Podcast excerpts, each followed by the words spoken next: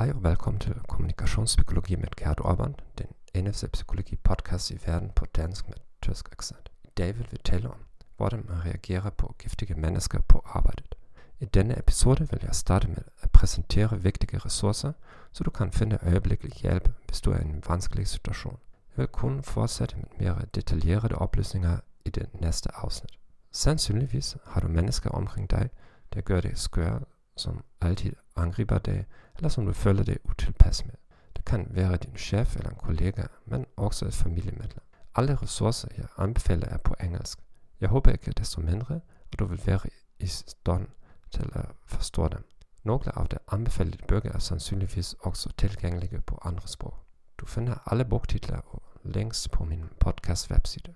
Jeg anbefaler stærkt podcasten Save Your Sanity af Roberto Scheller med mere end 150 afsnit om håndtering af giftige mennesker. Der er så mange bøger tilgængelige, og det er svært at finde det væsentlige, især med al den gode reklame for det mindre vigtige.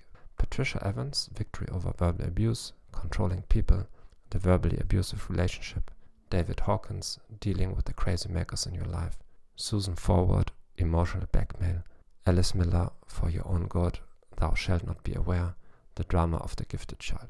I det næste afsnit vil vi tale om konkrete strategier for giftige mennesker og verbalt overgreb på arbejdspladsen. Jeg vil bare give det en indsigt, som jeg aldrig havde tænkt på før. En form for verbalt overgreb er, når nogen definerer det.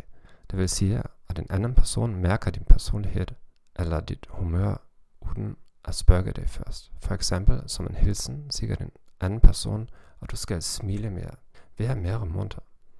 Den anden person foregiver at kende det bedre og ved bedre, hvordan du skal opføre det.